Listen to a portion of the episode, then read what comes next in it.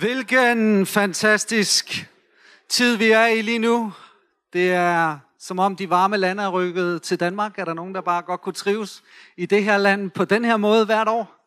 Sådan en maj gør det til mig hvert år her. Hver eneste måned hvert år. Er nogen, der har aflyst ferien, sommerferien, fordi det bare er så varmt? Nej, det var der ikke nogen af. Vi overvejer faktisk at blive hjemme for Gardasøen i år. Måske. Ja, det er voldsomt. Vi synes bare, at vi har fået så meget sol, og vi har set billeder dernede fra, og nu er, ligesom, nu er vi mættet. Så må vi se. Og så er der også lidt med, at Carsten siger, at vi ikke må tage derned, fordi vi har nogle ting i gang i kirken her, som er vigtige. Og øh, det lytter vi altid på, sådan nogle ting. Vi øh, skal starte i dag en sommerserie i Bibelen. Et øh, vigtigt element i vores forkyndelse her i kirken, det er, at vi altid åbner os for Guds ord, i budskaber, hvad ånden siger til menigheden lige her nu, men vi gør også det jævnligt, at vi går igennem bøger. Og det gør vi for hele tiden at sikre, at vi ikke bare sådan nipper som chips ned i sådan øh, en, øh, en lille, hvad hedder de der creme fraise ting, hvad hedder det, dip, sådan øh, bruger Bibelen som lidt dip, øh, og tager lidt det, vi kan lide, og får nogle favoritvers, og skøjter hen over det, vi ikke bryder os så meget om. Nej, vi vil have Guds ord, som det blev læst op, som brevene kom til menighederne og blev spredt ud over hele Øh, den daværende kirke, sådan vil vi tage Guds ord i sin helhed. Og I, vi har været igennem Romerbrevet, vi har været igennem 1. og 2. Korintherbrev, vi har været igennem Galaterbrevet, vi har været igennem Efeserbrevet, og nu er vi altså kommet til Filipperbrevet. Så har du en bibel med, så tager vi hul på Filipperbrevet i dag. Og temaet for den serie, som vi øh, skal i gang med, det er Enjoy. Enjoy, og det er fordi, at øh, joy, glæde, og det at nyde, det hænger sammen. Du tænker, jamen, hvad er det højeste formål for os kristne? Det er jo at give Gud ære. Det er tydeligt, at vi er skabt til, lever for at give Gud ære. Men som en har sagt, Gud er aldrig mere æret, end når du er allermest glad og tilfreds i ham. Ved du godt det? Fik du fat på den sætning? At Gud er aldrig mere æret, end når du er allermest tilfreds og glad i ham. Så Gud får ære, når du nyder nåden. Gud får ære, når du er glad i ham. Det er derfor Bibelen siger, find din glæde i Gud, så giver han dig, hvad dit hjerte længes efter. For har du fundet din glæde i ham? Er du tilfreds i ham? Nyder du nåden? Lever du med glæde som et kendetegn? Så oplever du, at du ærer Gud med dit liv. Taknemmeligheden, lovsangen stiger op fra dit liv. Vi læser et øh, brev her af Paulus. Det er et brev, som de fleste bibelkommentarer kalder for glædens brev. Glæden er nævnt 18 gange i de 104 vers i fire kapitler. I en eller anden form, i en eller anden bøjning, taler Paulus om glæde 18 gange. Det er til trods for, at det her brev det er skrevet fra Rom. Og det er altså ikke fra sådan et hotel, som Mette og mig vi fik lov til at nyde her for ikke så længe siden. Det er også lidt derfor, vi ikke skal til Gardasøen. Vi har jo lige været i Italien, ikke? Man kan ikke sådan noget tage derned så meget igen. Alle de pizzaer, vi spiste dernede, det er ikke godt at blive ved med. Men at være i Rom er fantastisk, men Paulus havde en livstrøm, det var at komme til Rom. Han siger, det er på min liste. Gud havde så en anden måde at sende ham dertil. Han kom med skib, og rejsen tog to år, og han landede i Rom. Han landede i en fængselscelle. Han skrev Filipperbrevet fra Rom, fra en fængselscelle, hvor han var lænket til fangevogtere, og ventede på, i uvidshed på afgørelsen på en stor retssag, som han faktisk selv havde ønsket og få for kejseren i Rom, fordi at han var romers statsborger. Og Paulus var i den uvidshed, skrev et brev til en menighed, som han selv havde plantet, og tænkte sig, til trods for hans omstændigheder, så handler brevet om glæde. Glæde er grundtonen. Glæden drøber for alle 104 vers i det her, i den her bog.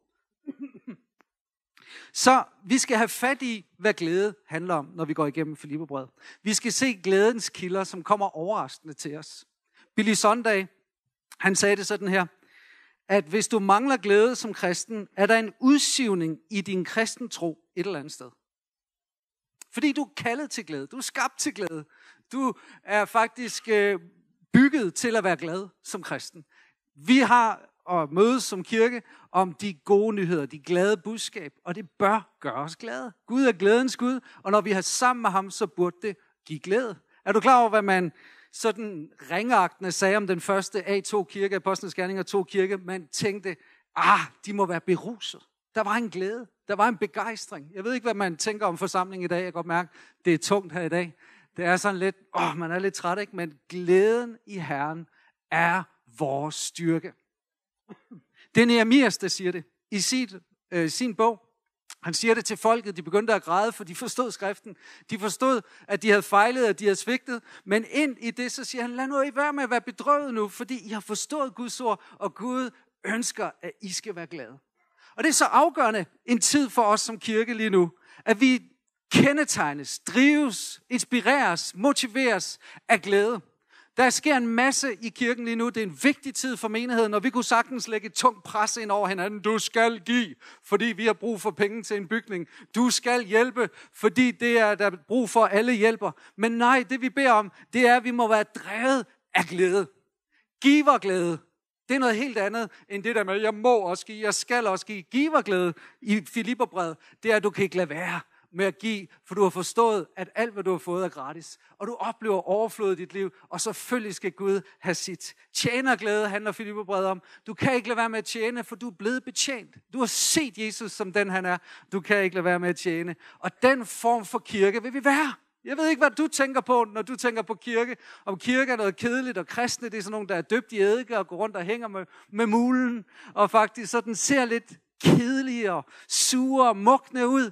Men jeg kan sige dig så meget som, at Jesus ønsker, at du skal være fyldt af glæde. Og er du ikke glad i dag, så er der en eller anden udsivning. Der er et eller andet hul, vi skal have lappet. Der er nogle løfter for Gud, som kommer og skal lappe nogle huller i dit liv, så den glædeskilde i dig ikke siver ud.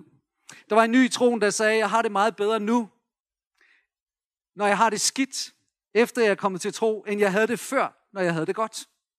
Synes jeg faktisk er meget ærligt sagt. Fordi det med at være troende er ikke, at du altid har det på samme måde følelsesmæssigt, men du får det bedre af at kende Jesus. Der er en, der har sagt sådan her, at glæde, det er ikke fravær af problemer, kriser og kampe. Glæde, det er nærvær af Jesus. Kan du sige ja til det? Glæd dig altid i Herren, siger Paulus i Filipperne 4. Glæd dig altid i Herren. Vi kan jo ikke være, alt, være glade altid i os selv, men vi kan være glade i Jesus. Der er altid en grund til at være glad i Jesus. Åndens frugt er glæde, siger Paulus, og når han er nær, så er det altid kendetegnet ved glæde. Så vil du være sikker på, at Guds ånd er nær. Vil du være sikker på, at Helligånden er aktiv i dit liv, så prøv at spørge dig selv, er jeg glad? For glæde er et udtryk for Helligåndens bevægelse. Også i en forsamling. Der, hvor der er glæde i en forsamling, og det er ægte glæde, ikke bare sådan pres, og nu skal vi være glade, men hvor du bare mærker, åh, der er en begejstring, der er en glæde, så er det udtryk for Guds nærvær. Så jeg ved ikke, har Gud forladt os, eller? Er der lidt glæde et eller andet sted? Er der en, der kan vride lidt glæde ud af balkongen deroppe? I sidder og steger der. ser bare billeder af sådan en kylling i en grillbar, der bare drejer rundt. I sidder bare deroppe og bliver stegt. Det er så godt. C.S. Lewis, han siger, Joy is the serious business of heaven. Glæde, det er himlens seriøse kernevirksomhed. Himlen er optaget af at give glæde til alle. Og jeg tror, det er så afgørende også den her dag, at vi fyldes af glæde. Jeg tror faktisk nogle gange, så går vi hjem fra kirke og tænker, jamen det er nok godt nok. Det er nok fint nok. En kristen skal nok bare have de der perioder, hvor man er deprimeret, hvor man er i mørke, og hvor man er, øh, hænger med det hele, han har sagt. Men du skal bare vide, Jesus vil og kan give dig glæde, selvom du er i et fængselshul i Rom. Selvom du lever i nogle svære omstændigheder. Jesus kan, Jesus vil, og derfor siger Paulus også i Efeserne, kapitel 5 og vers 18, drik dybt af ånden. Det står der i en engelsk oversættelse. Drik dybt af ånden. Kom ikke her i Guds hus, og så bare nip lidt og tag en lille drink, men sørg for, at du får så meget, så Paulus siger, lige inden, drik jeg ikke fuld i vin, men lad jeg fylde ånden.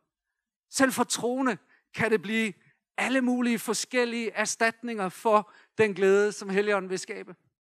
Vi kan søge til vinen. Vi kan søge til alkohol. Vi kan søge til fjernsynet, vi kan søge til internettet, til Facebook, til de sociale medier, vi kan søge til magasiner, vi kan søge til underholdning, vi kan få sådan en underholdningsstress. Hvad er det næste kick, kulturkick, jeg kan få? Og det er egentlig, fordi vi keder os. Hvorfor? Fordi vi stopper med at drikke dybt af ånden. Vi nipper bare lidt. Og jeg vil bare sige til dig i dag, at hvis du ønsker, at Jesus skal møde dig i dag, så vil han det. Og hvis du vil gå herfra med en ny glæde, så kan han give dig det. Og det kan godt være, at kilden, du opdager i dag, er overraskende.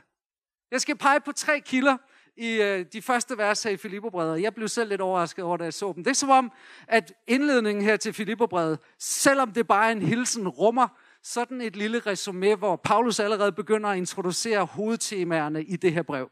Og derfor har jeg også i det her øh, budskab bare ønsket, at det her det skal handle om glædens kilder. Og det skal det gøre, fordi Jesus har åbnet sådanne kilder. Hvis vi skulle pege på, at der er andre øh, nøgleord og kernebudskaber i Filipperbrevet en glæde, så er der jo flere. Og et af dem er Jesus. Ved du godt, Jesus nævnes 38 gange i det her lille brev. Kristus Jesus 12 gange, Jesus Kristus 8 gange, Jesus 2 gange, Kristus 16 gange, i alt 38 gange. Og i den lille prolog, vi skal læse nu, den lille indledningshilsen, så nævnes han tre gange. Og derfor tror jeg på, at der er tre kilder i dag i budskabet. Kilder til glæde. Guds glæde. Den glæde, Gud føler lige nu, kan blive din. Og der er nogle kilder til den glæde i Jesus Kristus. Er I klar til at læse dagens tekst? Så slå op på Filipperne 1, og så tager vi den. Og har du ikke Bibel med, så læs med her. Fra Paulus og Timotius. Kristi Jesu tjenere. Til alle de hellige i Kristus Jesus, jer der bor i Aalborg, nej, jeg, der bor i Filippi, samt tilsynsmænd og menighedstjener. Noget vær med jer, og fred for Gud, vor far, og Herren Jesus Kristus. Så langt Guds eget ord. Den første kilde, Paulus han peger på, det er kilden at tjene Jesus. Jeg ved ikke, om det overrasker dig. Om du tænker, ej, nu får jeg sådan en følelsesmæssig three steps to feeling good. Paulus han peger på den første kilde og siger, i det øjeblik, du finder dit livs formål som værne at tjene Jesus, der finder du en kilde til glæde. Paulus siger, fra Paulus og Timotius, Kristi Jesu tjener. Prøv lige at sige tjener. Det her ord tjener, Paulus bruger det, det græske ord doulos. Det bruger han en del gange i det nye testamente. Det betyder faktisk mere end tjener. Det betyder at være en frivillig slave. Vi henvises til det gamle testamente, hvor der står omkring, at hvis man havde en slave, så hver syvende år, så skulle slaven frigives. Og så kommer der en lidt makaber historie, som handler om piercing. Jeg ved ikke, om der er nogen herinde, der er pierced. Det er fint nok. Du kan være tatoveret, nærmest lige en hel maleri. Det er fint også. Uh, alt er ok. Men der står her, at hvis så en slave, som har været slave under sin herre, siger, nej, hør her, jeg vil ikke være fri. Jeg vil blive ved med at være din slave, fordi han er kommet til at elske sin herre og sit liv som slave. Så står der, så skal hans herre tage ham, stille ham op af en dørstolpe, og så hammer en syl igennem hans øreflip, og så skal han være en kærlighedsslav. Bum! Det er faktisk det ord og den parallel, Paulus han giver. Og nu opfordrer jeg ikke nogen her til at gå ud og blive pierced, eller til at få en eller anden ørering eller noget. Det her, det handler bare om, at Paulus taler om, jeg er frivillig slave af Jesus Kristus. Han siger, jeg er så glad for Jesus, jeg er så fuld af kærlighed til ham, at jeg frivilligt har valgt at være hans tjener, hans slave. Og så tænker du, hvorfor bruger Paulus det ord? Og ikke det ord, som han gør i stort set alle andre af sine breve. Nemlig, han plejer at starte med at sige, jeg Paulus, apostel. Det gør han slet ikke til menigheden i Filippi. Når han siger, jeg er apostel til menigheder, så er det som regel, fordi han vil understrege sit mandat, sin autoritet, for autoriteten ligger i hans embede at være apostel, den udsendte fra himlen, med Guds kald til at plante kirker, og han har grundlagt kirken her i Filippi. Men jeg tror, fordi et af temaerne i brevet, Filipperbrevet, det er glæden ved at tjene, så starter Paulus med at sige, jeg, Paulus, jeg, Paulus, ikke apostel, ikke nogen titel, ikke en masse af det her. Jeg er slave. Jeg tjener Jesus. Det er det, jeg er. Det er den, jeg er. Det er mit livs formål. Det er det, jeg lever for. Og noget andet, han gør, det er, at han endda inkluderer Timotius i det. Han siger på godt dansk, jeg, Paulus og Timotius er begge to tjenere af Jesus på lige fod. Deri afslører han et andet princip, som vi ser her i Filipperbrevet, at Paulus vil sige, at vi er alle lige meget kaldet til tjeneste. Der er ikke nogen, der er mere, der er ikke nogen, der er mindre, men er du troende, så har du Guds kald til at tjene, og i den grad, du giver dig over til den tjeneste, giver dig hen til det liv med at tjene Jesus, i den grad finder du glæden i livet. Jamen, siger du, det jeg hører og lærer i kulturen, det jeg ser i damebladene, det jeg ser i Euroman, det er jo three steps to feel good. Mærk efter, hvad gør dig glad? Brug mere tid på det. Ven, hvis du jagter glæden som dit hovedmål, og det er det, der er dit fokus, så kan du faktisk være svær at leve med. Glæden er altid et biprodukt. Og Paulus siger, hvis du jager glæden i tjenesten for Jesus, og forstår, at du er købt, og prisen er betalt. Du tilhører ikke dig selv, du tilhører ham. Du er til for at ære ham og glæde ham med dit liv 24-7. Hvis det er dit fokus, så skal du vide, i det er der glæde. I det finder du glæde. Hvordan ved jeg, at det er det, Paulus vil sige? Det er fordi, det eneste andet sted i hele det her brev, hvor han bruger det samme ord på græs, dulos, som betyder slave, så snakker han om Jesus. Det gør han i kapitel 2. Og så siger han i vers 5, I skal have det samme sind over for hinanden, som var i Kristus Jesus. Han, som havde Guds skikkelse, regnede det ikke for et rå at være lige med Gud, men han gav opkald på det og tog en dulers skikkelse på, en tjenerskikkelse på, en slaveskikkelse på. Og han blev lydet til døden, ja døden på et kors. Paulus siger i virkeligheden, I skal tænke, arbejde, fokusere, ligesom Jesus gør I det, så får I en glædeskilde ind i jeres liv, hvor I bliver ligeglad med alt det, der kan tage jeres glæde, nemlig får jeg nu synlig opmærksomhed, får jeg nu en titel, får jeg nu en position, får jeg nu ære og tak. Det er ligegyldigt. Min glæde er i, at jeg er Jesu Kristi tjener. Skidt med alle de der etiketter, skidt med al den der menneskelige opmærksomhed. Jeg tilhører ham. En tjener bliver hyret, en slave er ejet. Jeg er ejet af ham. Vil du have en glædens kilde ind i dit liv, så lev hengivet, overgivet til Jesus. I ved ikke, hvor mange af jer, der sad og så kronprinsens øh, fødselsdagsfest i går. Det var da smukt, var det ikke det? Og rørende, fantastisk. I ved godt, når flaget er oppe på Amalienborg, så er det fordi dronningen, hun er inde i huset. Ikke? Flaget går op, når kongen er hjemme. Glæden i Kristus er det flag, der går op i dit hjerte, når kongen får lov at være kongen i dit hjerte når han får lov at lede, når han får lov at styre, når det er ham, der har fokus, når det ikke er dig selv, der er på tronen, når det ikke er dine følelser, dine små øh, indre dialoger, men hvor du siger, Jesus, jeg er til for dig, jeg lever for dig, det er dig, jeg ønsker at tjene, så flytter glæden ind. Det er det badge, som viser, du tilhører ham. En anden ting, som er interessant her, det er, hvis du bare lige bladrer over i Kolossenserbrevet, så prøv at lægge mærke til, hvordan Kolossenserbrevet starter. Der siger Paulus, fra Paulus, Kristi Jesu apostel ved Guds vilje, og vor bror Timotus. Så han siger, jeg er Paulus, jeg er apostel, og så for øvrigt, så er der vores bror Timotus. Det gør han ikke her i Filipperbrevet. Det er det eneste sted, hvor han inkluderer Timotus, så siger han, fra Paulus og Timotus, Kristi Jesus laver. Så han siger, se på mig og Timotus på same level. Der er ikke nogen stor, større, størst i Guds rige. Timotus, han er godt nok en ung mand fundet af Paulus måske omkring 15-årig, tog han ham ind i sit team, investerede i ham, tog ham med på rejser. Der er måske gået 10, 20, 30 år. Timotheus er vokset op i tjenesten, og Paulus, han løfter nu Timotheus op, og så siger han, Timotheus er medafsender af det her brev. Hvem skrev det her brev? Prøv at læse brevet i løbet af ugen, det tager cirka 20 minutter. Og så læg mærke til, at det hele det handler i første person Paulus, der fortæller. Det er Paulus, der skriver brevet, men han tager Timotheus med ind og giver ham med ære. Hvorfor? Fordi Paulus var Kristi tjener. Han var ikke optaget af sin egen position. Han var optaget af at løfte andre med sig. Han var en åndelig far, der havde en åndelig søn, og han løftede sin åndelige søn op. Så lige så snart han er færdig med at løfte Jesus op som forbillede på tjeneste i menigheden i Filippi, hvem løfter han så op? Sit åndelige barn, Timotheus. Prøv at se med mig i kapitel 2, hvad der står i øh, vers 19. Jeg håber ved Herren Jesus, at jeg snart kan sende Timotheus til jer, så at også jeg kan være ved godt mod, når jeg hører, hvordan det står til hos jer. Så kommer det. Jeg har ingen med et sind som hans til oprigtigt at tage jer jeres sag. Alle de andre søger jo deres eget, og ikke det, der hører Jesus Kristus til. I ved, hvordan Timotheus har stået sin prøve som et barn, der hjælper sin far, har han sammen med mig tjent evangeliet. Timotheus var en tjener, og han løfter hans sindelag op, Så siger han, ligesom Timotius har det, sådan skal I have det. Lev i tjenesten for Jesus. Kan du sige amen til det? Så vil jeg bare sige helt konkret. Hvis du går og føler dig lidt småmukken en lørdag, så kom ud og tjen med i A2.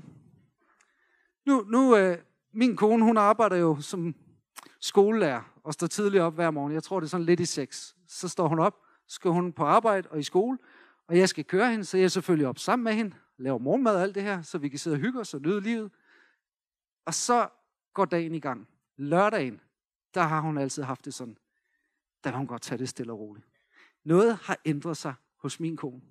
Fordi de her arbejdslørdag, Mette hun er ikke håndværker, men ven, hun kommer glad hjem, når vi har været derude. Vi møder så klokken 9, så vi lige har lidt mere tid om morgenen. Men det pussy er, at vi begge to sådan helt høje, når vi kommer hjem. Og det er jo ikke fordi, der er sket noget derude, som vi kan sige, det var mig altså. Det var fuldstændig fantastisk. Det er et kunstværk, det her. Der er ikke nogen af os, som kan. Men du oplever bare, når du starter en dag med at tjene i fællesskabet, når du tjener Jesus, når du mærker, jeg gør ikke det her for mig selv, jeg gør det for noget andet, noget større end mig, for Guds sag, Guds rige, Guds kirke. Ven, så sker der noget. Og hvis du er i en svær omstændighed i øjeblikket og tænker, hvorfor? Hvad er det, der sker? Så har jeg bare lyst til at sige, prøv at lægge mærke til Paulus her. Han skriver til alle de hellige i Kristus Jesus, jer der bor i Filippi, samt tilsynsmænd og menighedstjener. Han skriver til en menighed, som er vokset. Hvordan startede den kirke? Jeg holdt en prædiken for nylig om det. Hvordan kirken i Filippi startede med, at Paulus han kom til Filippi. Han, ikke fordi han ønskede at komme til den flække på, det var en by på en 10.000.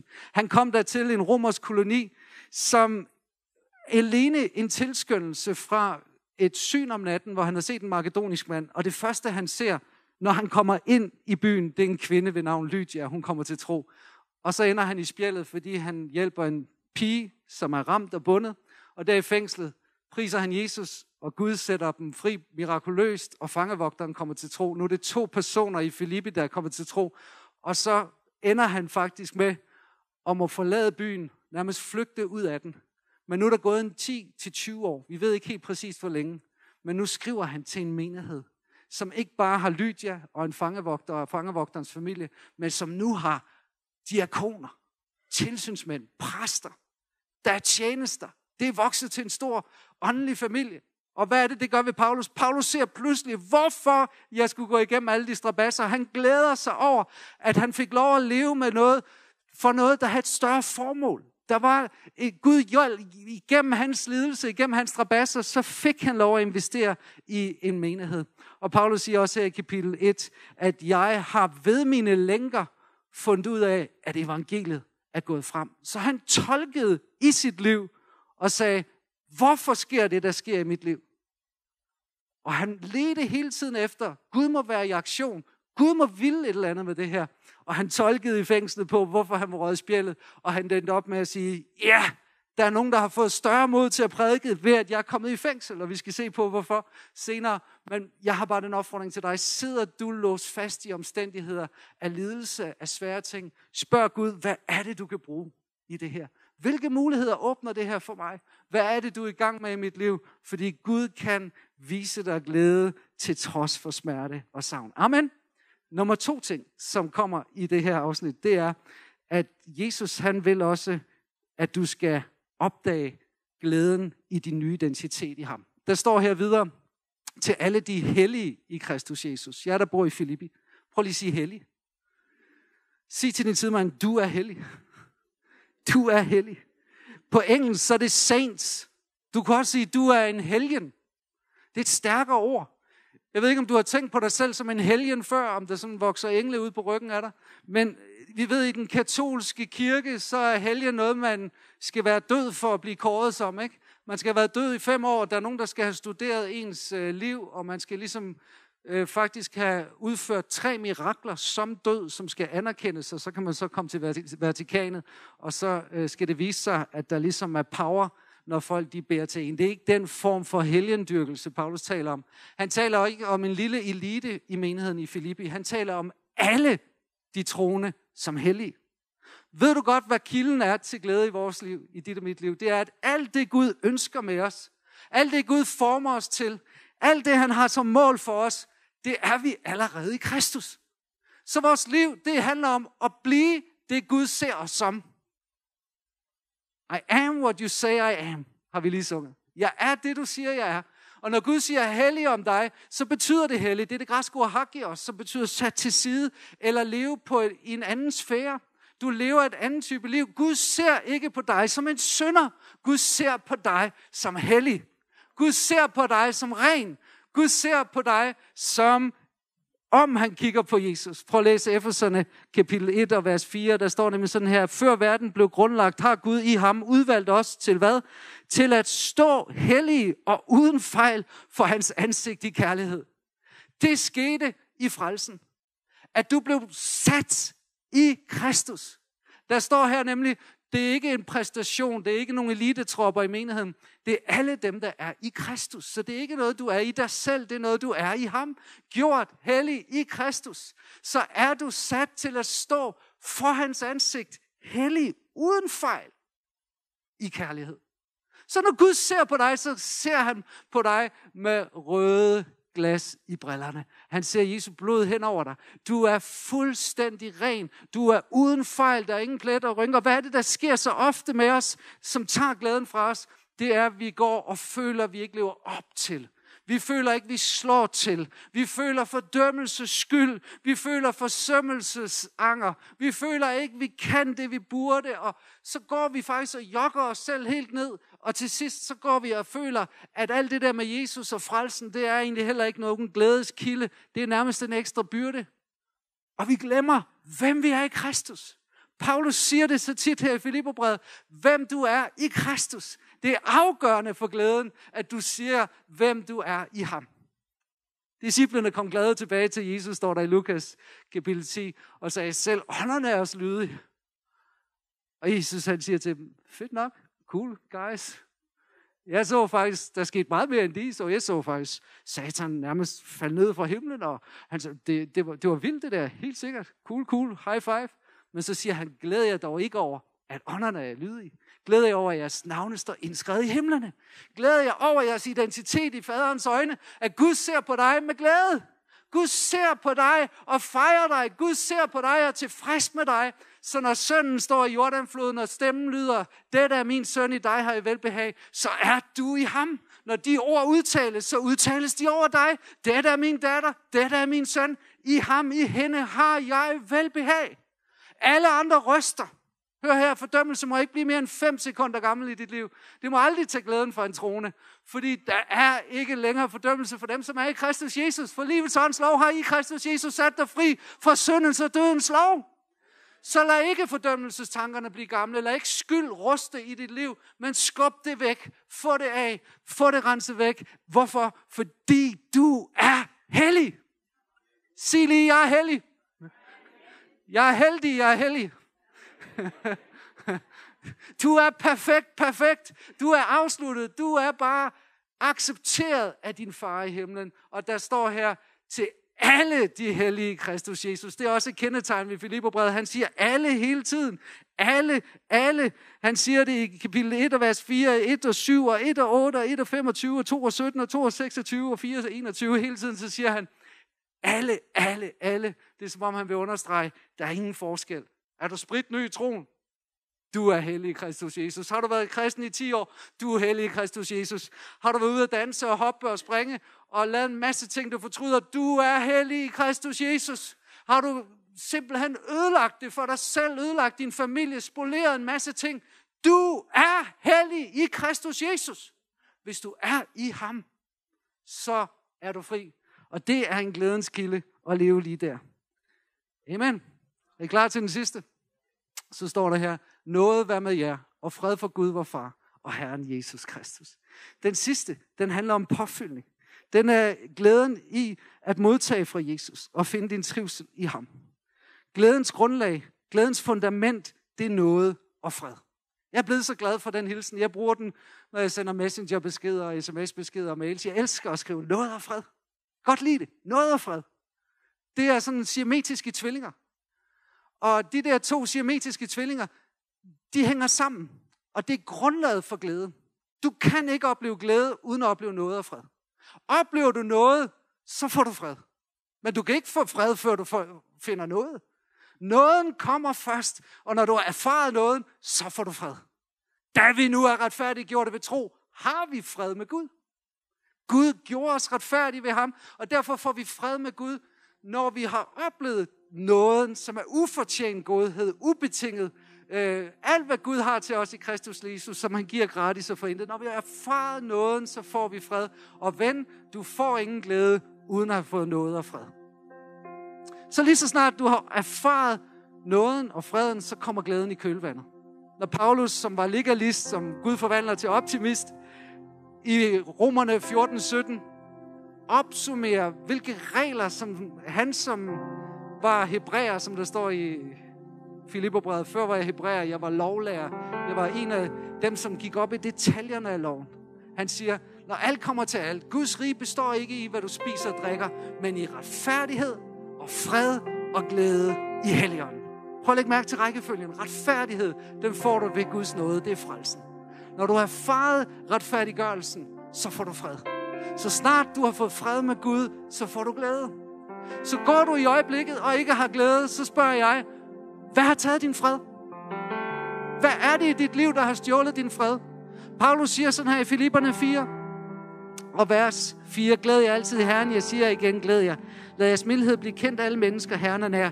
Vær ikke bekymret for noget, men bring i alle forhold jeres ønsker frem for Gud og pok, øh, i bøn og påkaldelse med tak. Og Guds fred, som overgår al forstand, vil bevare jeres hjerter og tanker i Kristus Jesus. Hvad siger han? Han siger, glæd jer altid i Herren.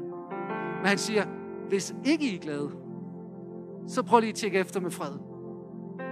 Er der bekymringer på, på, på engelsk står der angst. Er der angst, der er kommet ind? Stress, angst, uro, angst, frygt, angst. Er der noget, der er kommet ind i dit hjerte og dine tanker, og som har taget fokus væk fra Jesus? Så omformuler det som ønsker. Tag og skriv alle dine bekymringer ned, alle din angst ned. Åh, jeg er bange for ikke at slå til på jobbet. Åh, jeg er bange for min datter, hun ikke lykkes. Åh, jeg er bange for, hvad der sker med mit barnebarn. Åh, jeg er bange for den der diagnose, jeg har fået. Åh, skriv det hele ned. Og så omformulerer du det som ønsker. Så siger du, Gud, jeg beder om. Jeg ønsker det af dig.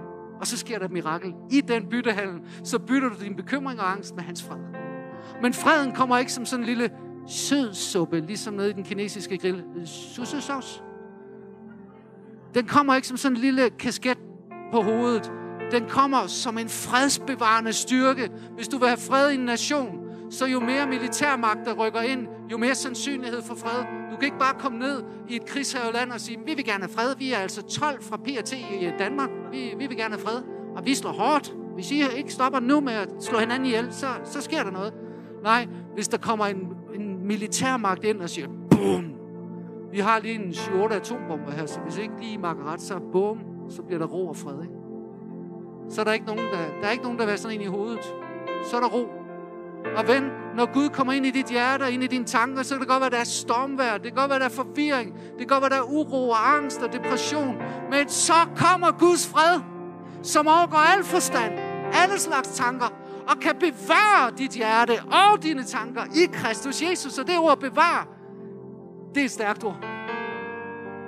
Det er et stærkt ord, som gør, at du ikke længere tænker flyvske tanker. Du ikke længere kommer afsted i alle mulige myldertanker, men du centrerer dine tanker i Kristus Jesus og nåden i ham.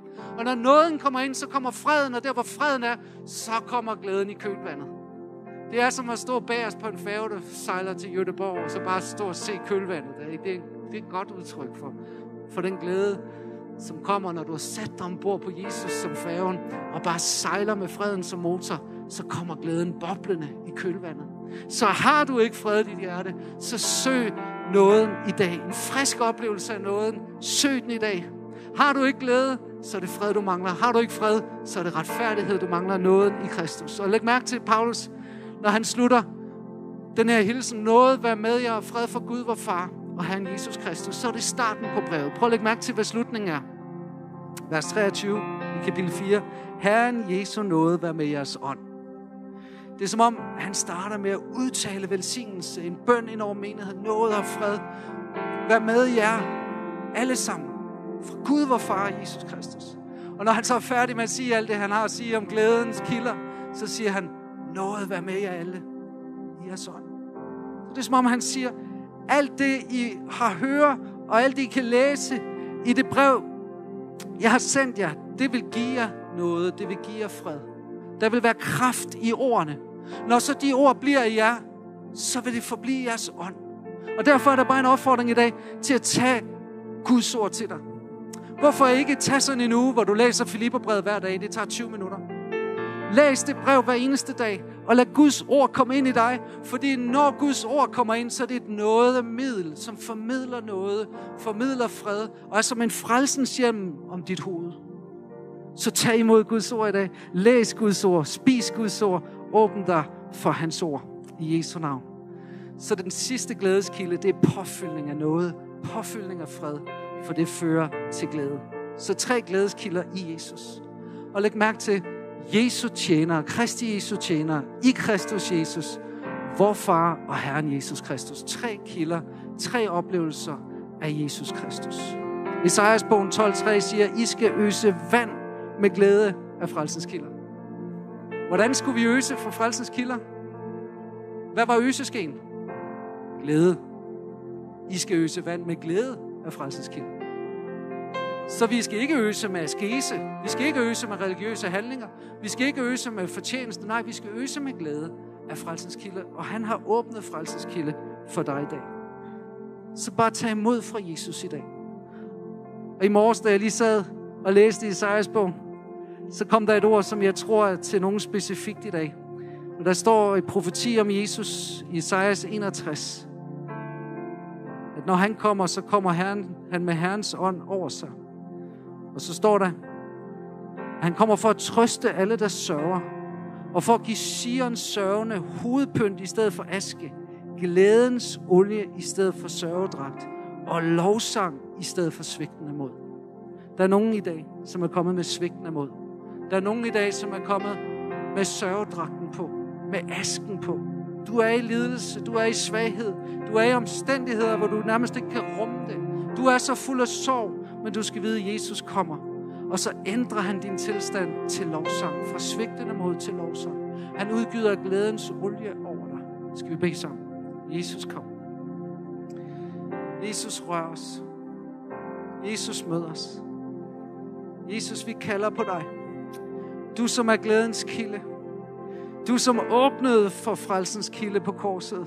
Da du blev givet hen af faderen og blev gjort til synd for, at vi kunne blive Guds retfærdighed i dig. Der åbner du for en kilde, som vi kan øse af med glæde. Og nu beder vi om, at vi må få lov at opleve af far glæden. Her der står i Apostlenes Gerninger, at disciplerne blev fyldt med glæde og helligånd. Og tak for en hver i dag, som drikker dybdeånden, skal gå fyldt af din glæde. Ikke en overfladisk, følelsesladet, stemningspræget glæde, som er afhængig af hvilket miljø eller sted eller omgivelser man er i, men en ubetinget, stærk glæde, som er din glæde, Gud. Den glæde, som var over dig, Kristus. Du var glæde, salve med glædens olie frem for din liv. Hellige Guds ånd, kom og rør en som er sulten efter glæde i dag. Det beder jeg om i Jesu navn. I Jesu navn. Skal vi rejse os op nu? Vi skulle egentlig gå til nadver nu, men jeg fornemmer, at, at der er nogen her nu, som bare skal møde Jesus og fyldes af hans glæde. Og jeg glemmer ikke en gudstjeneste, vi havde på et tidspunkt på sommercampen, hvor min kollega Anders Sova, som er en gudsbenået bibellærer, han, han gik rundt op foran, og jeg, jeg stod ikke foran, men jeg stod lidt nede bagved. Jeg så bare, at han var det, jeg vil kalde beruset af Helligånden. Han var virkelig glad. Og, og, og det var en fantastisk oplevelse, som han har fortalt mig om efterfølgende. Han havde mistet sit, øh, sit barn, sin adoptivsøn, Andreas, som de har haft, jeg tror han var 16 år, da han gik bort til kraften. Og han har været i et mørke, en depression, og så kommer Jesus og møder ham, og han sagde, at det var som et skifte. Det var som et skifte.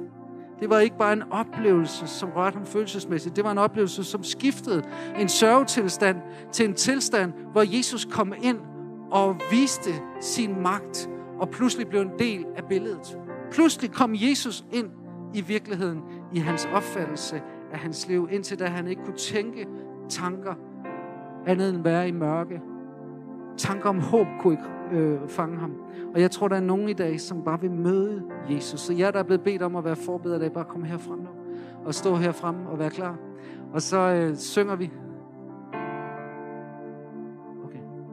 Ja, det er de samme, som er blevet bedt om at hjælpe med nadver, så, så øh, I kommer bare op, jer der skal også hjælpe ved nadveren. I skal også komme op nu og bede. Så er I med på, hvem I er. Så dig, der ønsker, at Jesus skal møde dig. Dig, der ønsker, at Jesus skal røre dig. Om det er frelsesglæde, om det er glæde, som kommer i kølvandet af fred og noget, eller det er en glæde, som du bare har brug for, for at tolke Guds vilje og plan lige ind i de svære omstændigheder, du står i, så kommer modtag velsignelse. Hvis ikke du lever glad i øjeblikket, så er der et eller andet lig, der er en eller anden utæthed i dit trosliv, som vi skal have rettet op på i bøn. Og Jesus, han skal vise dig, hvad det er. Om det er den glæde, som giver mening, tjener glæden, om det er den glæde, som har at gøre med din identitet i Kristus, eller det er den glæde, som har at gøre med at modtage påfyldning af noget og fred. Bare kom frem nu og modtag velsignelse, og lad Jesus møde dig. Lad Jesus røre dig. Lad Jesus åbne for frelseskilder nu. Så bare træd ud af rækken fra balkongen eller bagved eller fremme her foran. Bare kom hurtigt frem nu. Og så tager vi lige de her øjeblikke, inden vi går til nadveren og søger Jesus. Mindelsen, påmindelsen om hans døde opstandelse. Lad os synge sammen. Så kom.